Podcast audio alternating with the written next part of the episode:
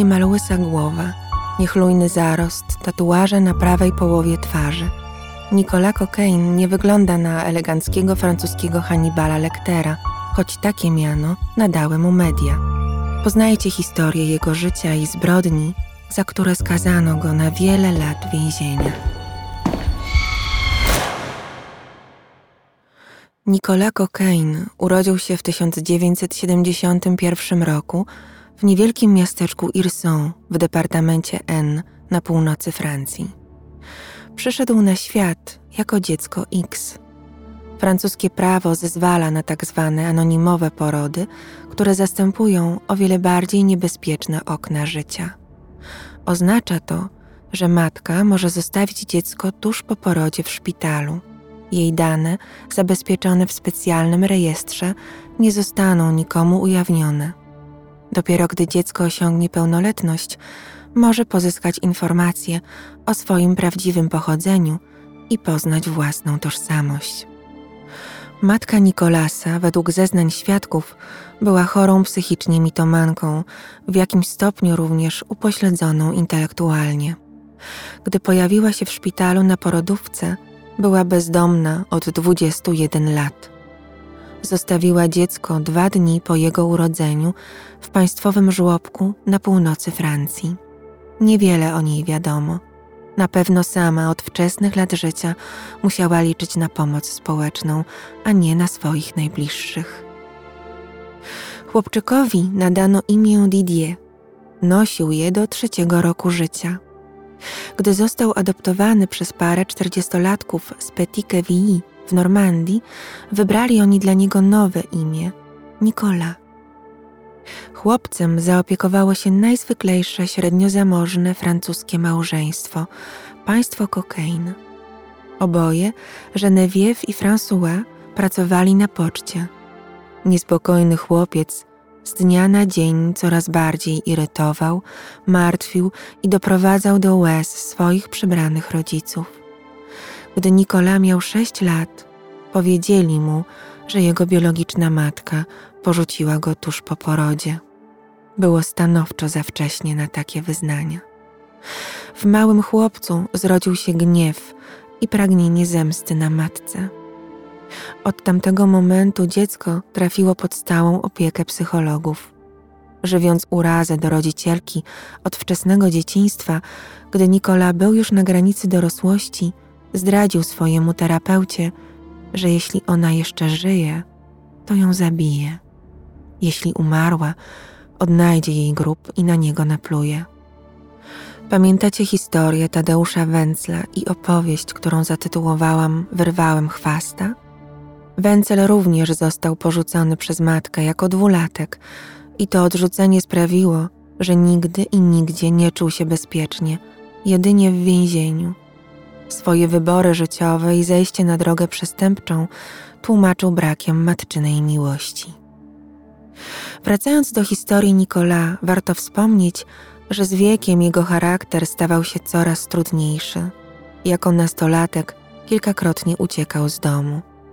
Później twierdził, że został dwukrotnie zgwałcony w wieku 13 lat na koloniach podczas wakacji.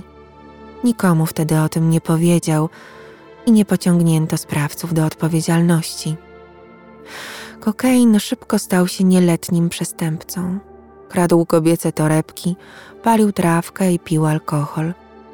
Z własnej woli edukację zakończył w piątej klasie szkoły podstawowej. W dniu swoich osiemnastych urodzin udał się do żłobka, do którego trafił po urodzeniu. Zażądał wglądu do swoich akt, miał już do tego pełne prawo. Chciał odnaleźć matkę jak najszybciej, by spełnić swoje groźby, ale poszukiwania nic nie dały. W wieku 22 lat po raz pierwszy wszedł w konflikt z prawem. Doczekał się dwóch córek z prostytutką Nataszą, z którą zamieszkał w małym domku w Normandii. Od dziecka kochał konie i udało mu się zdobyć pracę w ośrodku jeździeckim w Rodé. Był to najszczęśliwszy okres w jego życiu.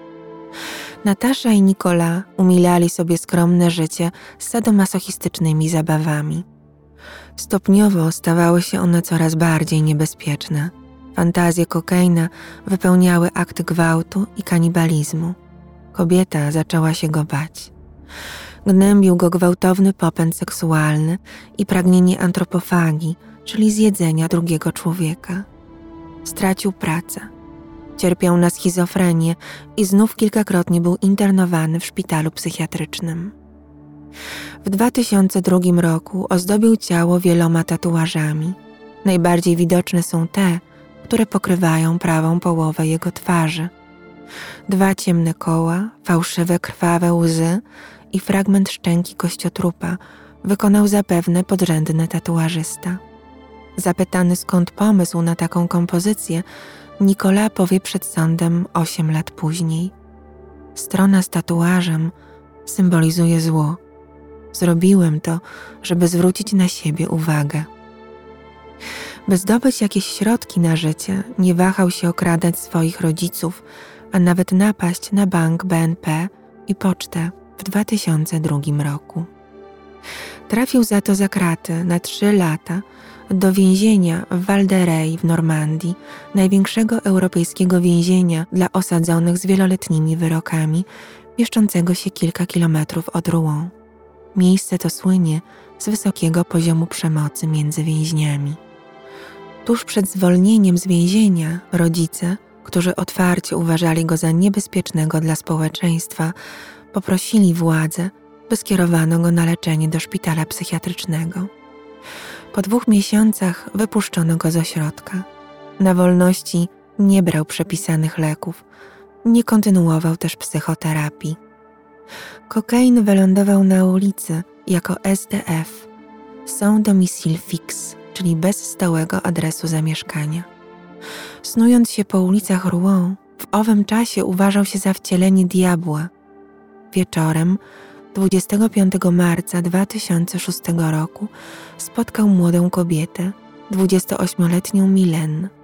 Przykuł jej uwagę swoim wyglądem, a przede wszystkim pełnym szaleństwa wzrokiem. On bezdomny, wytatuowany i pełen gniewu. Ona młoda, bardzo wierząca, przechodząca w życiu okres, który sama określiła jako mistyczny. Mężczyzna ją zaintrygował, nie bała się go. W dodatku uważał ją za świętą. Dyskutowali prawie całą noc w ogrodach Hotel de Ville w centrum miasta. Dziewczyna straciła kompletnie czujność. Kierowany impulsywnym pragnieniem gwałtu kokain nagle złapał ją za włosy i przystawił jej paralizator do podbródka. Milen walczyła, nie chciała się rozebrać, opierała się i wzywała pomocy. Na jej szczęście po parku kręcili się spacerowicze. Napastnik odpuścił, kobieta uciekła. Zgłosiła na policję próbę gwałtu. Policjanci nie mieli problemu z identyfikacją i odnalezieniem niedoszłego gwałciciela. Dzięki jego przestępczej przeszłości znali go dość dobrze. Zresztą tatuaże na twarzy były jego znakiem rozpoznawczym. Po tym zajściu Nicolas Cocaine wylądował w areszcie w więzieniu Bon Nouvelle w Rouen, gdzie jego stan psychiczny uległ znacznemu pogorszeniu. Nazwa Bon Nouvelle oznacza dobre wieści. Niestety nie pasuje ani do miejsca, ani do sceny, która rozegrała się tam 2 stycznia 2007 roku. Tego dnia w celi numer 26 o powierzchni ledwie 11 metrów kwadratowych wybuchła kłótnia między Nikolasem a jego kolegą spod celi, Thierrym Baudry. Powodem sporu była higiena. Baudry nie przestrzegał więziennych zasad, załatwiał potrzeby fizjologiczne w czasie, gdy pozostali dwaj współwięźniowie jedli i nie mył rąk przed posiłkiem, co bardzo przeszkadzało Nikolasowi. Przysłowiowym gwoździem do trumny było zapchanie toalety papierem. Po ostrej kłótni tego wieczoru Bodrin nie miał ochoty na jedzenie, zrezygnował też z papierosa. Kokain rzucił wówczas. Popełniasz błąd. Powinieneś skorzystać z ostatniego posiłku i ostatniego papierosa. Później powie, że to, co zrobił, nie było dobre. Ale co zrobił, to zrobił i się nie odstanie. Gdy spokojny już Thierry położył się na pryczy, Nicolas rzucił się na niego. Odczuwając przyjemność seksualną z przemocy, okładał współwięźnia pięściami, kolanami i kopał go. W końcu wyciągnął prowizoryczny nóż własnej roboty i wielokrotnie uderzał nim w plecy, szyję i klatkę piersiową ofiary. Zakończył mord, dusząc mężczyznę plastikowym workiem na śmieci. Robił to aż przez pięć minut. Gdy był pewien, że Thierry nie żyje, kierowany ciekawością Nicola zapragnął zjeść jego serce. Rozkroił scyzorykiem klatkę piersiową zamordowanego. Zanurzył rękę, wyłamał żebro i wyciął kawałek lewego płuca oraz mięśnie międzykręgowe. Myślał, że to serce. Mięso włożył do plastikowego pojemnika, kawałek zjadł na surowo. Resztę przygotował z odrobiną czosnku, ryżu i szalotką na prowizorycznym piecyku. Niektóre źródła podają, że usmażył je na patelni. Miałem nadzieję, że w ten sposób posiądę jego duszę, wyzna przed sądem w 2010 roku. Lucienowi Venon, psychologowi, który go badał, wyznał, Najstraszniejsze jest to, że mi smakowało. Ma smak mięsa jelenia, jest kruche i delikatne. Na całą zbrodnię i akt kanibalizmu patrzył oniemiały Dawid Lagru, trzeci współwięzień. Był w stanie szoku. Nie potrafił wydobyć z siebie głosu i wezwać pomocy. Prawdopodobnie traumatyczne przeżycia doprowadziły do jego samobójczej śmierci dwa lata później w więzieniu w Evre. Na wieczornym apelu stanęło tylko dwóch więźniów z celi numer 26. Trzeci leżał na górnej pryczy piętrowego więziennego łóżka. Nikola powiedział do strażnika: Nie odpowie, szefie. Jest martwy. Zabiłem go. Jego partnerka Natasza nie była zaskoczona zbrodnią, jaką popełnił Nikola. Dziwiła się, że zabił i spróbował jeść ciało mężczyzny. W jego fantazjach ofiarą była zawsze kobieta. Muszę wam dodać kilka słów o zamordowanym więźniu dla pełnego i jeszcze bardziej tragicznego obrazu zbrodni. Na wieść o śmierci syna matka Thierry'ego zapytała: Jeszcze jeden? Jacqueline Baudry straciła dokładnie w tym samym więzieniu jeszcze jednego syna, który powiesił się po kilku miesiącach pobytu w celi w 1998 roku. Kiedy Thierry poszedł do więzienia, zwróciła się do syna. Wrócisz, prawda? Syn zapewniał, że wróci cały i zdrowy. Ona przeczuwała, że tak się nie stanie. Za pierwszą śmierć rodzina otrzymała odszkodowanie od państwa. Również i tym razem zawinił częściowo system penitencjarny. Dwa miesiące po tragedii francuski minister sprawiedliwości przyznał rodzinie Baudry 65 tysięcy euro. Na tyle wycenił życie Thierry'ego, ucinając jednocześnie dyskusję, kto jest winny poza samym mordercą. Na pytanie, dlaczego tych dwóch Nicolas i Thierry, jeden nadwrażliwy, drugi niebezpieczny, wylądowało w jednej celi, już nikt nie musiał odpowiadać. Mimo to wszczęto śledztwo, które ujawniło mankamenty w funkcjonowaniu zakładu i liczne zaniedbania. Wyszło na jaw, że zdawano sobie sprawę, iż Nicola planuje gwałty, tortury, mordy, czyny nekrofilne i akty kanibalizmu wszystko to zostało wpisane do jego akt, ale nigdy nie zostało przedstawione wyższej instancji. Nikt się tym nie zainteresował. Sam Nicolas kilka miesięcy wcześniej, w maju 2006 roku, prosił o zwolnienie go z pracy w więzieniu i pełną izolację dla bezpieczeństwa pozostałych osadzonych. Z pracy go zwolniono, jednak pozostawiono go w celi z dwoma innymi więźniami. I teraz wyobraźcie sobie, że wbrew wszelkim sygnałom ostrzegawczym administracja, lekarze i psychiatrzy więzienni uważali, że czynu Nikola nie dało się przewidzieć. W chwili śmierci Thierry miał 31 lat. Nie umiał czytać ani pisać. Niezbyt inteligentny, prosty facet według współwięźniów, lekko upośledzony. Rzucił szkołę Chciał zostać stolarzem, ale nie za bardzo się na tym znał, a ciężko było mu się czegokolwiek nauczyć. Wszystko umykało z jego pamięci. Był wrażliwcem, co wyraźnie zaznaczyli w swoich notatkach strażnicy w dniu jego przybycia do więzienia, dwa miesiące przed gwałtowną śmiercią.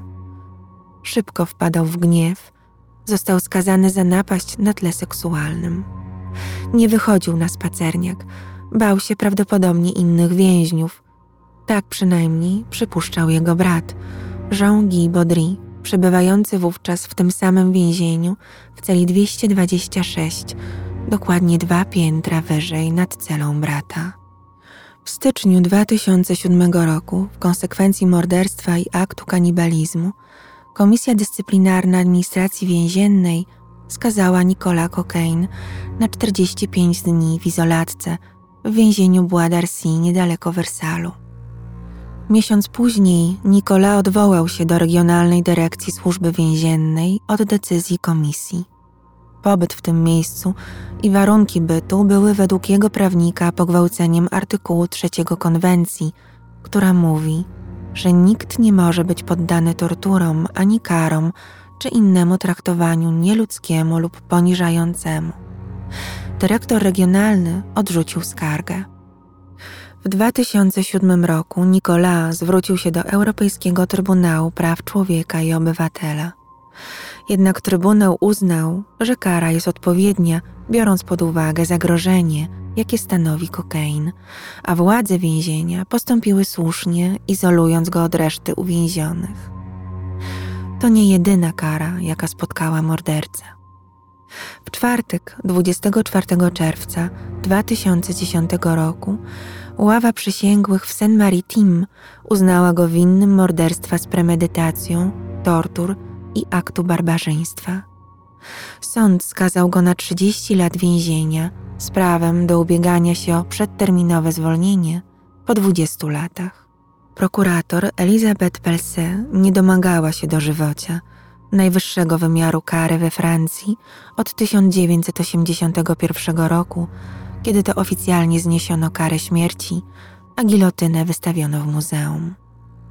Wiedziała, że oskarżony cierpiał na różne zaburzenia psychiczne i pozostawał jedynie częściowo odpowiedzialny za swoje czyny. Obrońca występował o zwolnienie swojego klienta od odpowiedzialności karnej. Zabił, ponieważ jest obłąkany, całkowicie obłąkany, mówił adwokat Fabien Picciotino. Jednego dnia twierdził, że jest satanistą, następnego uważał się za wilkołaka. Podczas procesu Nikola skarżył się. Nikt mnie nie słuchał. Prosiłem o pomoc, mówiąc, że jestem człowiekiem niebezpiecznym. Popełniłem zbrodnię i dopiero wtedy wzięto mnie na serio. Było w tym wiele racji. Więzień prosił o pomoc psychologiczną i psychiatryczną, niestety był lekceważony. Dwóch z siedmiu biegłych psychiatrów uznało, że Nikola nie może być sądzony ze względu na niepoczytalność – Zaburzona, psychotyczna osobowość nie pozwalała mu funkcjonować w społeczeństwie. Padały diagnozy: psychoza schizofreniczna, urojenia paranoiczne, megalomania i inne. Pięciu pozostałych biegłych opiniowało, że w momencie popełnienia czynu był poczytalny. Kokain nigdy nie wypierał się faktów, nie ukrywał swoich problemów psychicznych, w wieku 26 lat zgłosił się do szpitala i sam prosił o chemiczną kastrację. Rok później zameldował się na komisariacie w Forges-les-Eaux i opowiedział o swoich pełnych agresji fantazjach. Potrzebuję pomocy, chcę do szpitala albo wyślijcie mnie do Legii Cudzoziemskiej, błagał. W 2011 roku odbył się kolejny proces, który trwał trzy dni. 16 lutego ława przysięgłych w Saint-Maritim uznała Nikolasa winnym próby gwałtu w marcu 2006 roku i skazała go na 10 lat za akt agresji w Rouen. Prokurator żądał 15 albo przynajmniej 12 lat. Sama ofiara zdawała sobie sprawę, że jej niedoszły oprawca potrzebuje bardziej opieki niż więzienia. Nicolas Cocaine obecnie odbywa karę w więzieniu. Otoczony jest opieką psychiatryczną i poddawany leczeniu. Od czasu tamtej zbrodni w więzieniu Bon Nouvelle co tydzień zbiera się zespół strażników, lekarzy i psychiatrów, by omówić ewentualne zagrożenia. Mimo wszystko obłożenie bloku męskiego to wciąż 120%, daleko do doskonałości. 10 września 2008 roku, niedługo po morderstwie popełnionym przez Nikola, w celi numer 128 odnaleziono ciało Idira Tuati. Jego kolega spod celi poderżnął mu gardło. Przygotowując dla Was opowieść o kanibalu z Rouen, korzystałam wyłącznie z francuskich źródeł, między innymi z prasy.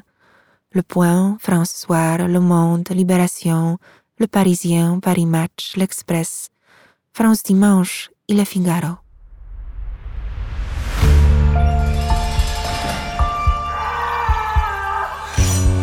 Dziękuję za Waszą uwagę i zapraszam na następne opowieści o zbrodniach, mordercach i prawdziwej makabrze. Renata z worka kości.